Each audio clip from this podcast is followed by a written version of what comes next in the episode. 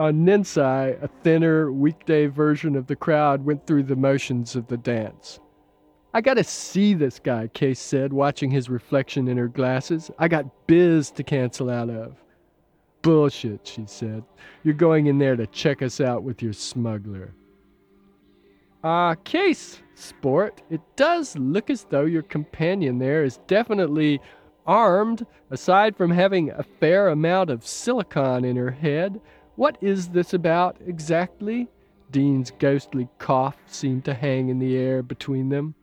Hey, hold on, Julie. Anyway, I'm coming in alone. You can be sure of that, old son. Wouldn't have it any other way. Okay, she said, go. Five minutes any more and I'll come in and I'll cool your tight friend permanently. She turned and walked out, past stacked white modules of preserved ginger. Keeping stranger company than usual, Case? asked Julie. Julie, she's gone. You want to let me in? Please, Julie? The bolts worked. Slowly, Case, said the voice. Turn on the works, Julie, all the stuff in the desk, Case said, taking his place in the swivel chair. It's on all the time, Deane said mildly, taking a gun and aiming it carefully at Case. It was a belly gun, a magnum revolver with the barrel sawn down to a nub. The front of the trigger guard had been cut away and the grips wrapped with what looked like old masking tape.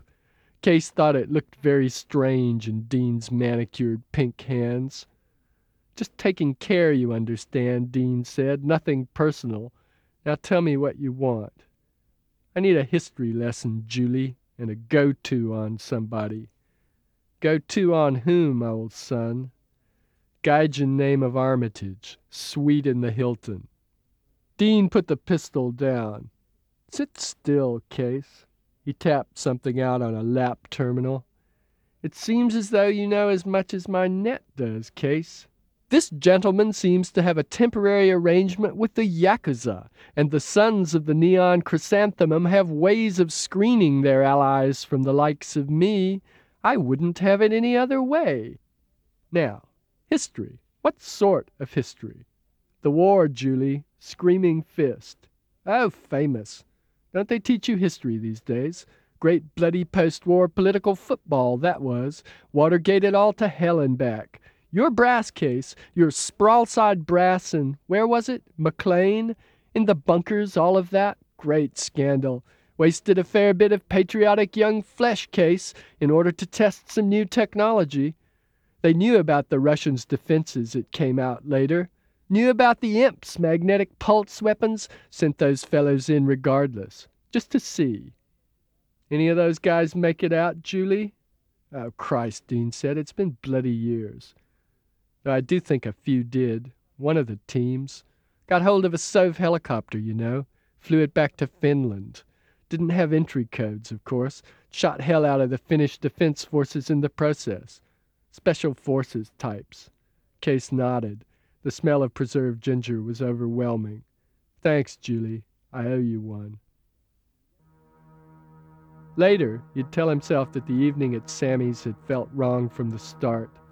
That even as he'd followed Molly along the corridor, shuffling through a trampled mulch of ticket stubs and styrofoam cups, he'd sensed it Linda's death, waiting. They'd gone to the Namban after he'd paid off his debt to Wage with a roll of Armitage's new yen. Then he'd taken Molly back to the chat for a drink. Wasting your time, cowboy, Molly said, when Case took an octagon from the pocket of his jacket. How's that?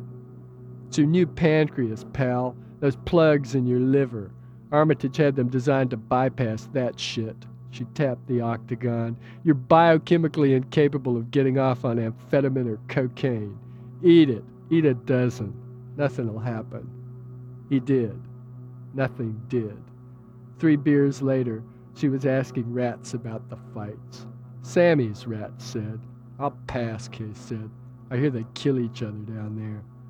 An hour later, she was buying tickets. Sammy's was an inflated dome behind a portside warehouse. The air was damp and close with the smell of sweat and concrete. No light but the holograms that shifted and flickered above the ring, reproducing the movements of the two men below. Reflected colors flowed across Molly's lenses as the men circled. The holograms were 10 power magnifications. At 10, the knives they held were just under a meter long. The knife fighter's grip is the fencer's grip, Case remembered. The fingers curled, thumb aligned with the blade. The knives seemed to move of their own accord, gliding with a ritual lack of urgency through the arcs and passes of their dance, point passing point, as the men waited for an opening. Molly's upturned face was smooth and still, watching. I'll go find us some food, Case said. He didn't like this place. He turned and walked back into the shadows. Too dark, too quiet.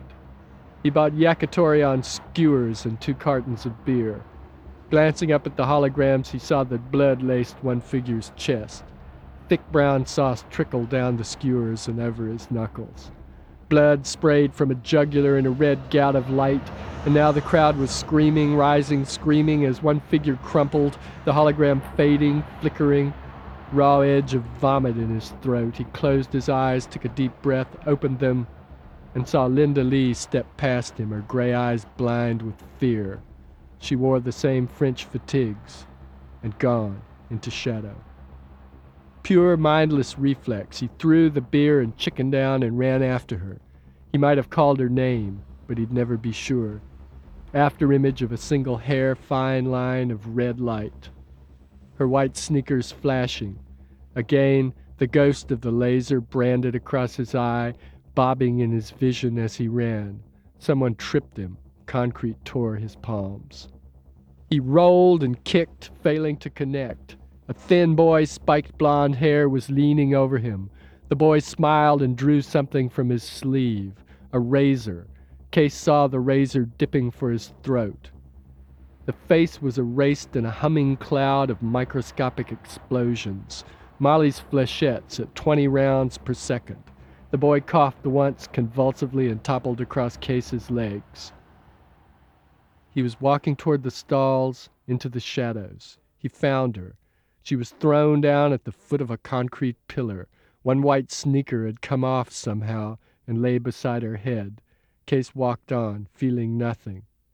Hey, Case, Molly's mirrors emerged from the deeper shadow. You okay? Something mewled and bubbled in the dark behind her. Fight's over, Case. Time we go home. He tried to walk past her, back into the dark, where something was dying. She stopped him. Friends of your tight friend killed your girl for you. We got a partial profile on that old bastard when we did you, man. He'd fry anybody for a few new ones. The one back there said they got onto her when she was trying to fence your ram. Just cheaper for them to kill her and take it. I got the one who had the laser to tell me about it. Coincidence we were here, but I had to make sure. Case felt as though his brain were jammed. Who, he said. Who sent them? She passed him a bag of preserved ginger. He saw that her hands were sticky with blood. Back in the shadows, Someone made wet sounds and died. After the post-operative check at the clinic, Molly took him to the port. Armitage was waiting. He'd chartered a hovercraft. Part 2 The Shopping Expedition. Home. Home was Bama, the sprawl, the Boston Atlanta metropolitan axis. Opening his eyes, he saw Molly naked and just out of reach across an expanse of very new pink temper foam. Her body was spare, neat, the muscles like a dancer's. He sat up. The room was empty, aside from two nylon bags, new and identical. He swung his feet to the floor. His head ached. He remembered Paris, shopping. She had taken him shopping. He knelt beside the bags. The first one he opened was stuffed with things he didn't remember buying.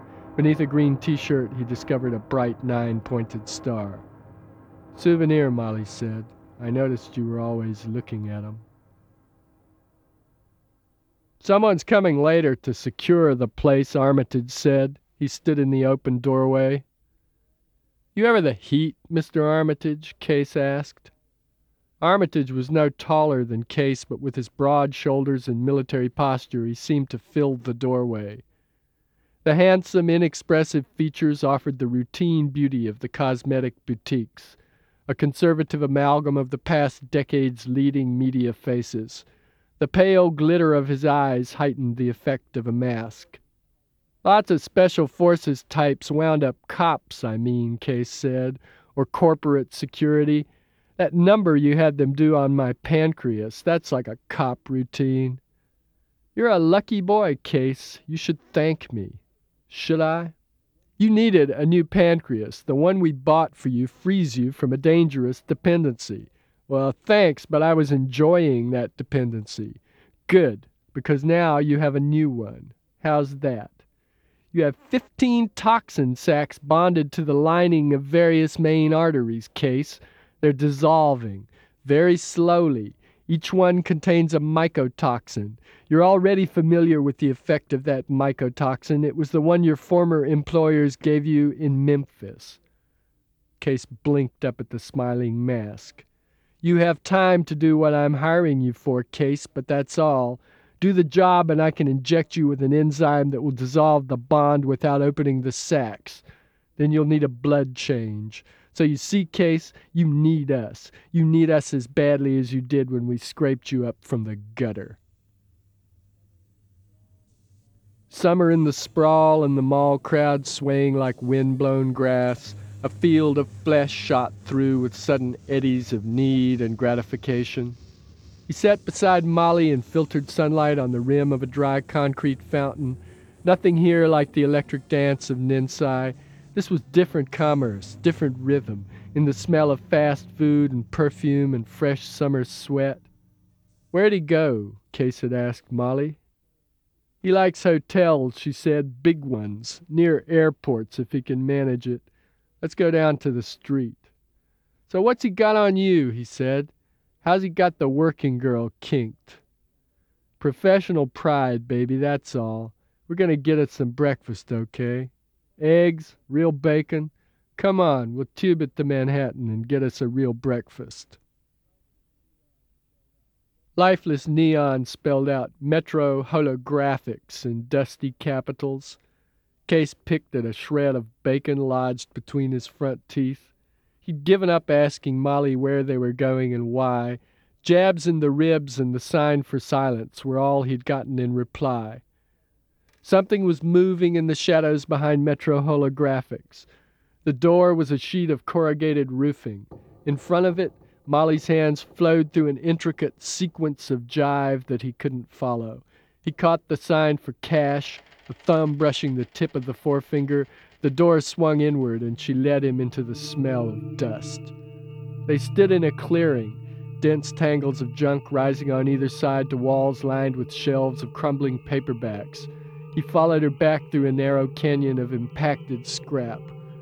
The tunnel ended with an ancient army blanket tacked across a doorway. White light flooded out as Molly ducked past it. Four square walls of blank white plastic, floored with white hospital tile. In the center stood a square white wooden table and four white folding chairs. The man who stood in the doorway behind them seemed to have been designed in a wind tunnel. His ears were very small, plastered flat against his narrow skull, and his large front teeth were canted sharply backward. He held a handgun in his left hand. He gestured to Case, pointed at a white slab of plastic that leaned near the doorway. Case crossed to it and saw that it was a solid sandwich of circuitry, nearly a centimeter thick. He helped the man lift it and position it securely in the doorway. Time, the man said. Counting. You know the rate, Molly. We need a scan, Finn, for implants. So get over there, stand on the tape, straighten up, yeah. Now turn, turn, give me a full 360. Case watched her rotate between two fragile looking stands studded with sensors. The man took a small monitor from his pocket.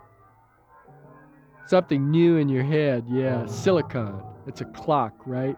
Your glasses give me the read they always do. Same with your claws. Get over here, Case. He saw a scuffed X in black on the white floor. Turn around here, slow. Nah, this guy's a virgin. Some cheap dental work is all. You want me to shut the screen down? Just for as long as it takes you to leave, Finn. Then we'll want full screen for as long as we want it. Hey, that's fine by the Finn, Ma. You're only paying by the second. They sealed the door behind him, and Molly turned one of the white chairs around and sat on it. We talk now. This is about as private as I can afford. What about? What we're doing, working for Armitage. And you're saying this isn't for his benefit? Yeah. I saw your profile, Case, and I've seen the rest of our shopping list once. You ever work with the dead? No, he said. I could, I guess. I'm good at what I do. You know the Dixie Flatline's dead? Case nodded. His heart, I heard. You'll be working with his construct. She smiled. Taught you the ropes, huh? Somebody got a recording of McCoy Pauley? Who? I can't see it. You'd never have sat still for it. SenseNet paid him mega, you bet your ass. Well, if we can get the flatline, Case said, we're home free. He was the best. You know he did brain death three times? She nodded. Look, Case, I've been trying to suss out who it is is backing Armitage since I signed on. Armitage gets orders.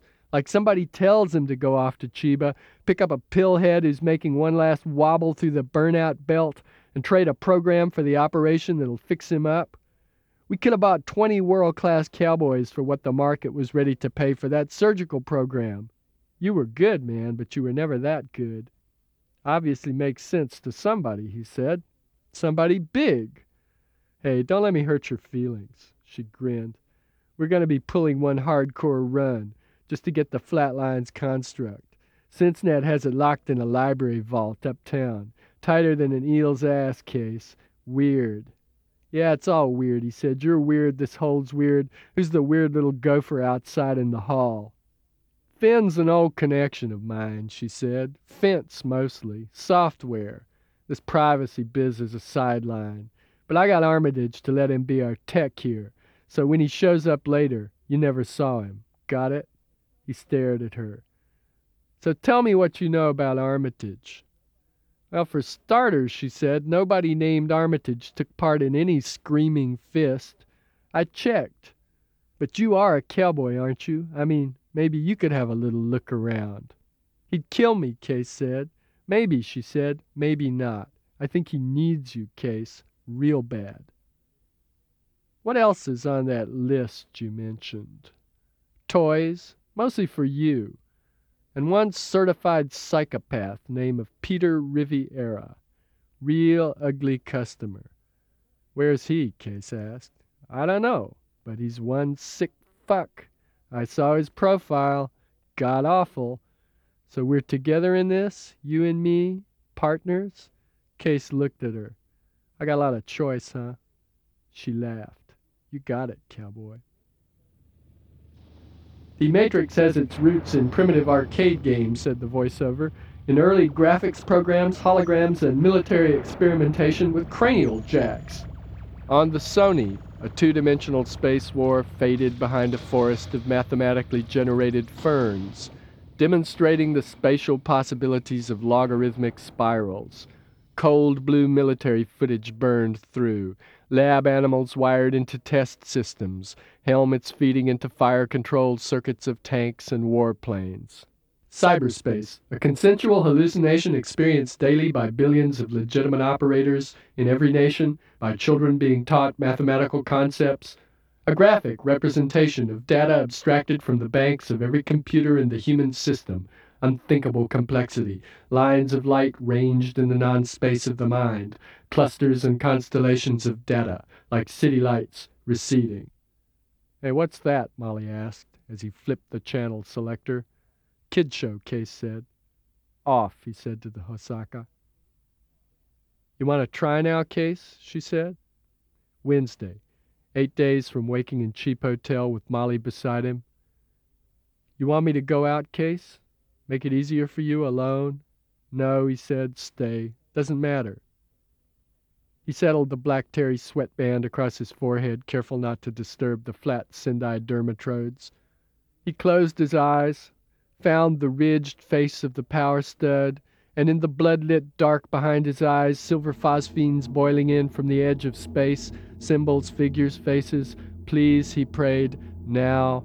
A gray disk, the color of Chiba sky, now. Disk beginning to rotate faster, becoming a sphere of paler gray, expanding and flowed, flowered for him, fluid neon origami trick, the unfolding of his distanceless home, his country, transparent 3D chessboard extending to infinity, inner eye opening to the stepped scarlet pyramid of the Eastern Seaboard Fission Authority, burning beyond the green cubes of Mitsubishi Bank of America, and high and very far away he saw the spiral arms of military systems forever beyond his reach. And somewhere he was laughing in a white painted loft, distant fingers caressing his deck, tears of release streaking his face.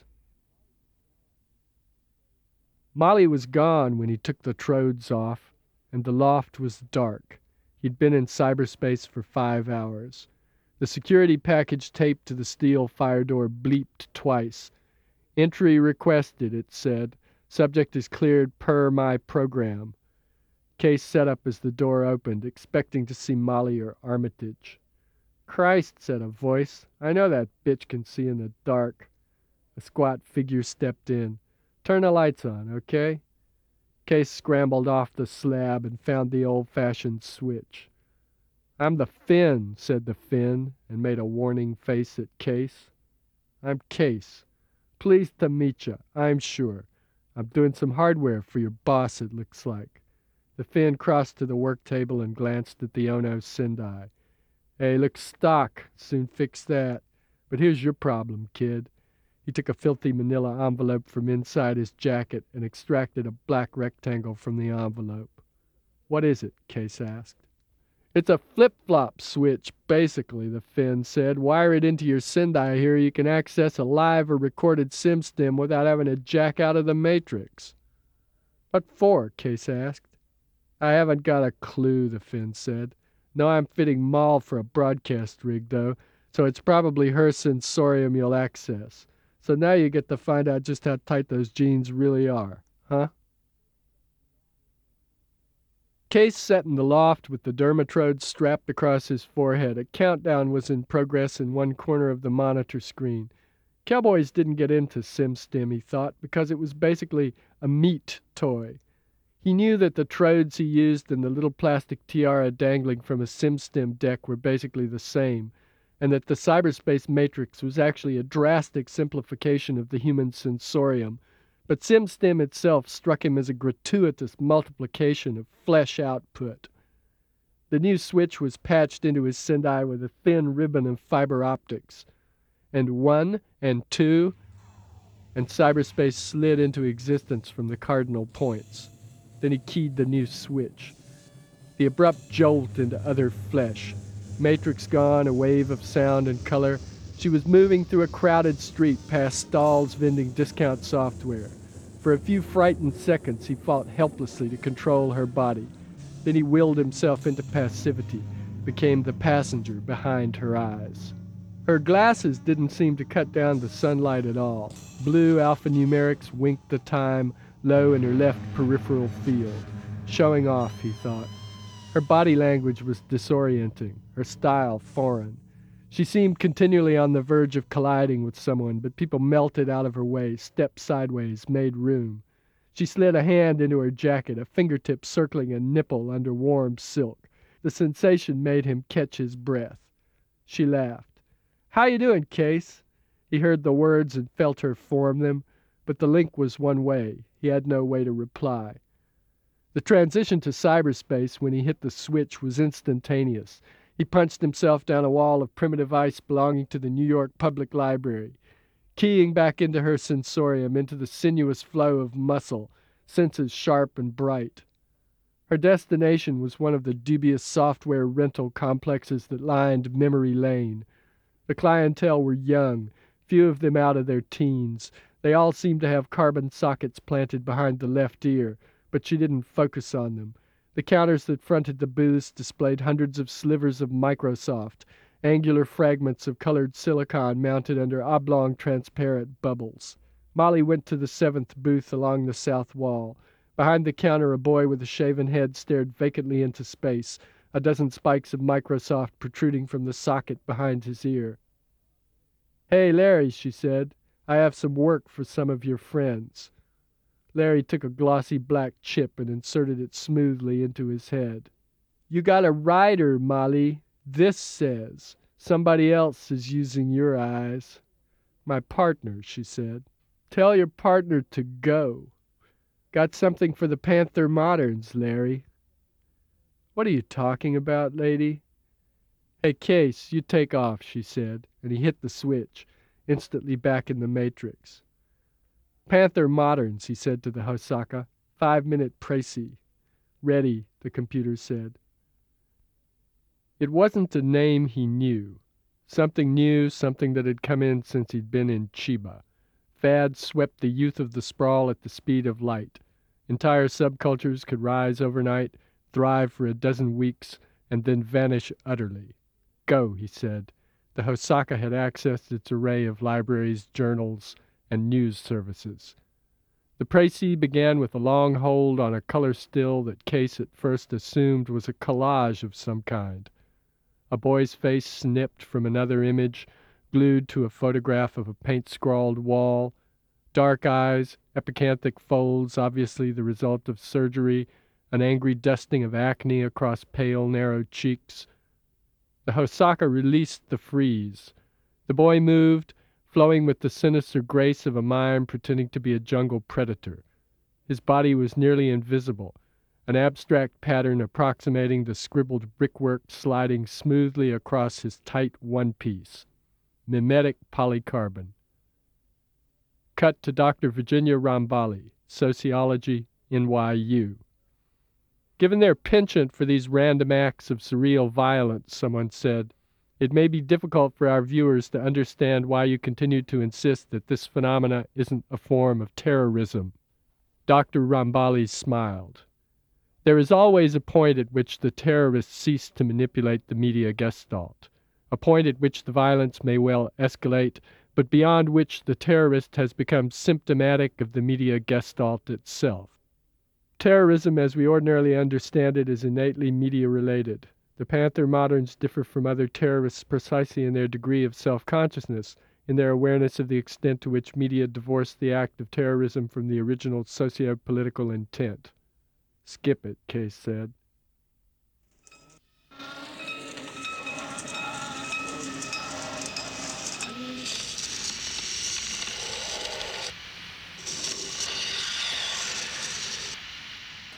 Case met his first modern two days after. The moderns were mercenaries, practical jokers, nihilistic techno fetishists. The one who showed up at the loft door with a box of diskettes from the Finn was a soft voiced boy.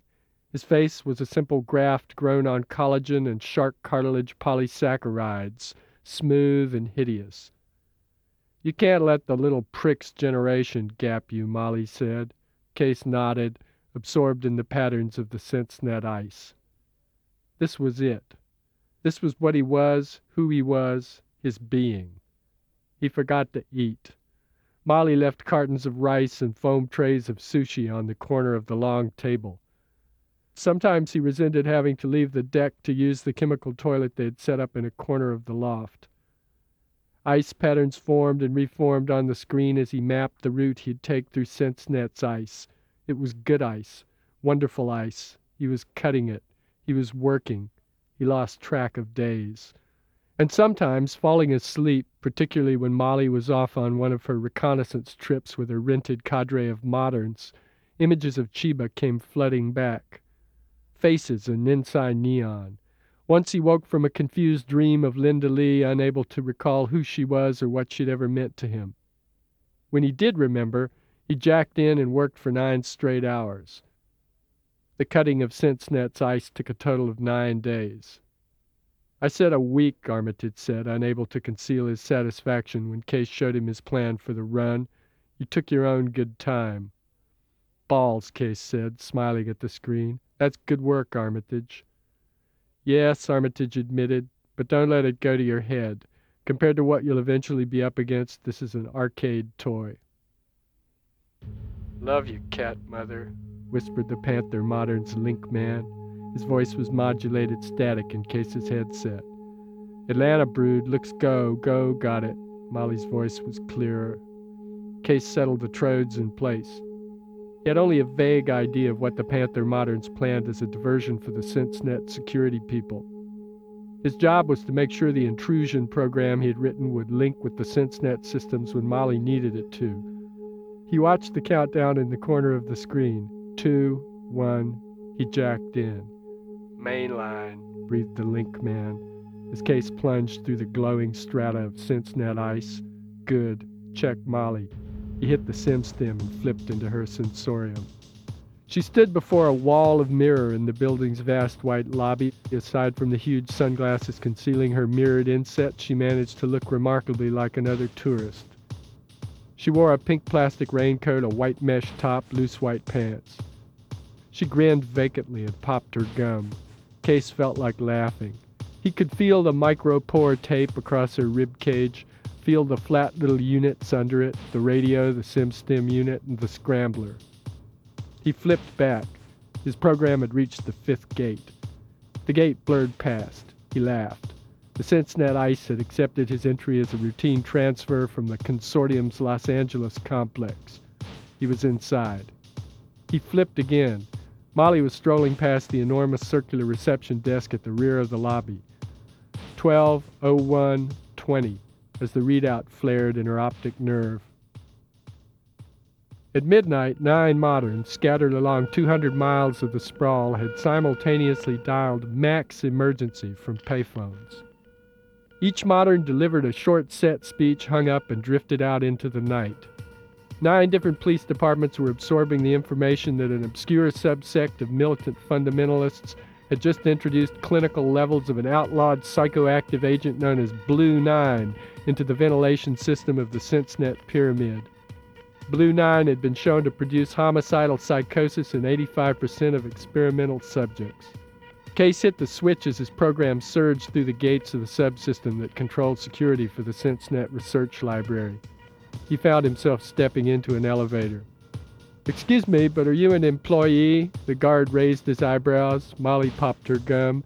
No, she said, driving the first two knuckles of her right hand into the man's solar plexus. As he doubled over, she slammed his head sideways against the wall of the elevator. She touched closed door and stop on the illuminated panel. She took a black box from her coat pocket and inserted a lead in the keyhole that secured the panel's circuitry. The Panther Moderns allowed four minutes for their first move to take effect then injected a second carefully prepared dose of misinformation. This time they shot it directly into the SenseNet building's internal video system. At 12.04.03, every screen in the building strobed for 18 seconds in a frequency that produced seizures in a susceptible segment of SenseNet employees. Then something only vaguely like a human face filled the screens, its features stretched across asymmetrical expanses of bone like some obscene Mercator projection. Blue lips parted wetly as the twisted, elongated jaw moved. Something, perhaps a hand, a thing like a reddish clump of gnarled roots, fumbled toward the camera, blurred and vanished. Subliminally rapid images of contamination, graphics of the building's water supply system, gloved hands manipulating laboratory glassware, something tumbling down into darkness, a pale splash. The audio track, its pitch adjusted to run at just less than twice the standard playback speed, was part of a month old newscast detailing potential military uses of a substance known as HSG, a biochemical governing the human skeletal growth factor. Overdoses of HSG threw certain bone cells into overdrive, accelerating growth by factors as high as 1,000%. At 12.0500, the SenseNet consortium held just over 3,000 employees. At five minutes after midnight, half a dozen NYPD tactical hovercraft were converging on the SenseNet pyramid. They were running full riot lights. A Bama rapid deployment helicopter was lifting off from its pad. Case triggered his second program, a carefully engineered virus. Boston. Molly's voice came from the downlink. I'm downstairs. Case switched and saw the blank wall of the elevator. She was unzipping the white pants. A bulky packet, exactly the shade of her pale ankle, was secured there with micropore. She knelt and peeled the tape away. She unfolded the modern suit. She removed the pink raincoat and began to pull the suit on. 120626. Case's virus had bored a window through the library's command ice. He punched himself through and found an infinite blue space ranged with color coded spheres strung on a tight grid of pale blue neon. In the non space of the matrix, the interior of a given data construct possessed unlimited subjective dimension. A child's toy calculator, accessed through Case's Sendai, would have presented limitless gulfs of nothingness hung with a few basic commands. Case began gliding through the spheres as if he were on invisible tracks. Here, this one. Punching his way into the sphere, chill blue neon vault above him, starless and smooth as frosted glass, he triggered a subprogram that effected certain alterations in the core custodial commands. Out now, reversing smoothly, the virus reknitting the fabric of the window. Done. In the SenseNet lobby, two Panther moderns sat alertly behind a low rectangular planter, taping the riot with a video camera. They both wore chameleon suits. Tacticals are spraying foam barricades now, oh, one noted, speaking for the benefit of his throat mic. Rapids are still trying to land their copter. Case hit the SimStim switch and flipped into the agony of broken bone. Molly was braced against the blank gray wall of a long corridor. Case was back in the matrix instantly, a white hot line of pain fading in his left thigh. What's happening, Brood? he asked the link man. I don't know, Cutter. Mother's not talking. Wait. He didn't have time to wait. Taking a deep breath, he flipped again. Molly took a single step, trying to support her weight on the corridor wall. In the loft, Case groaned. The second step took her over an outstretched arm. Uniform sleeve bright with fresh blood. Glimpse of a shattered fiberglass shock stave. Her vision seemed to have narrowed to a tunnel. With the third step, Case screamed and found himself back in the Matrix. Brood, Boston, baby. Little problem with the natives. Think one of them broke my leg. What you need now, cat mother? Case forced himself to flip back. She was leaning against the wall. She fumbled through the contents of the suit's pocket and withdrew a sheet of plastic studded with derma discs. She selected three and thumbed them hard against her left wrist over the veins. 6,000 micrograms of endorphin analog came down on the pain like a hammer. She sighed and slowly relaxed. Okay, Brood, okay now, but I'll need a medical team when I come out. Tell my people. Cutter, I'm two minutes from target. Can you hold? Tell her I'm in and holding, Case said. Molly began to limp down the corridor. When she glanced back once, Case saw the crumpled bodies of three SenseNet security guards. One of them seemed to have no eyes. Tacticals and Rapids have sealed the ground floor, Cat Mother. Foam barricades. Lobby's getting juicy.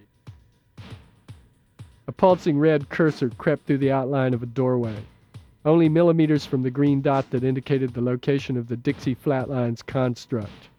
Case tightened the nylon harness that held him in the chair and replaced the trodes. Routine now.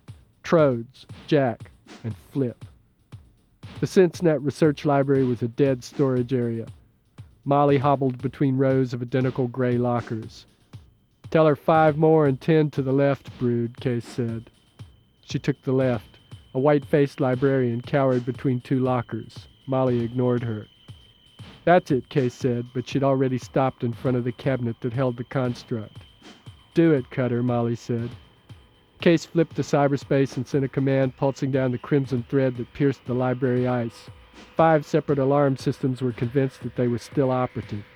The three elaborate locks deactivated but considered themselves to have remained locked. The library's central bank suffered a minute shift in its permanent memory.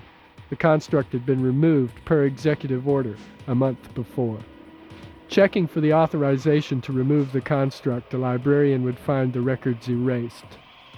The door swung open on silent hinges. 0467839, Case said, and Molly drew a black storage unit from the rack.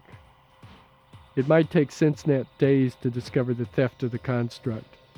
The elevator, with Molly's black box taped beside the control panel, remained where she'd left it. The guard still lay curled on the floor.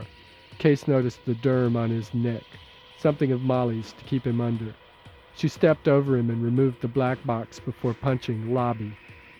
As the elevator door hissed open, a woman hurtled backwards out of the crowd into the elevator and struck the rear wall with her head. Molly ignored her. The construct in the suit's pocket dug into Molly's sternum when she moved. She stepped out. Case had seen panic before, but never in an enclosed area. The SenseNet employees spilling out of the elevators had surged for the street doors, only to meet the foam barricades of the tacticals and the sandbag guns of the Bama Rapids. The two agencies, convinced that they were containing a horde of potential killers, were cooperating with an uncharacteristic degree of efficiency. Beyond the shattered wreckage of the main street doors, bodies were piled three deep on the barricades. The hollow thumping of the riot guns provided a constant background for the sound the crowd made as it surged back and forth across the lobby's marble floor. Case had never heard anything like that sound. Neither, apparently, had Molly. Jesus, she said, and hesitated. It was a sort of keening, rising into a bubbling wail of raw and total fear. The lobby floor was covered with bodies, clothing, blood, and long trampled scrolls of yellow printout. Come on, sister, we're for out. The eyes of two moderns stared at her. You hurt? Come on. Tommy'll walk you. Tommy handed something to the one who spoke, a video camera wrapped in polycarbon. Chicago, Molly said. I'm on my way. And then she was falling, not to the marble floor, slick with blood and vomit, but down some blood-warm well into silence and the dark.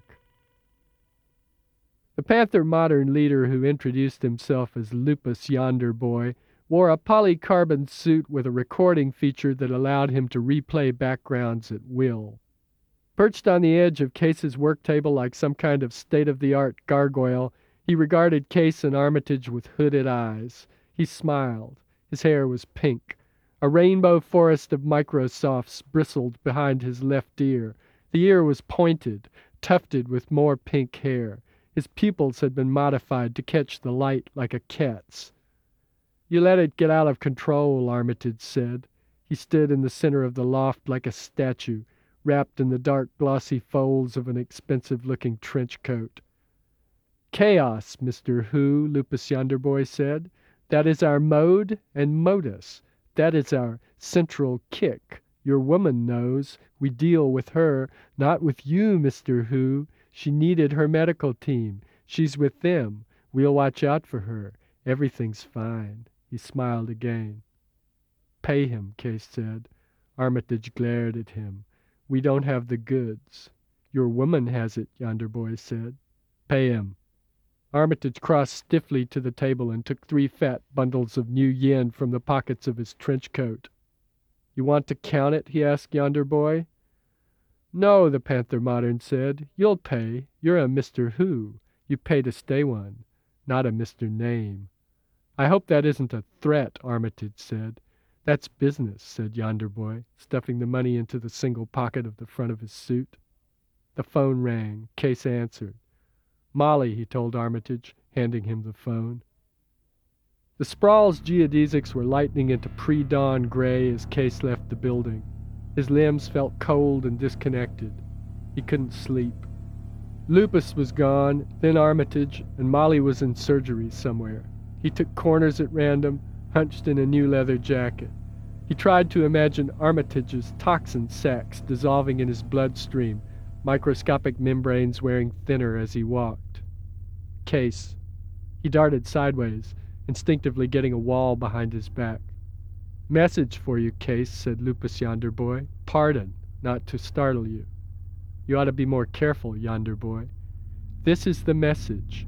W I N T E R M U T E. From you? No, for you. Who from? Wintermute, Yonder Boy said. Then he was gone. This book is continued on the next cassette.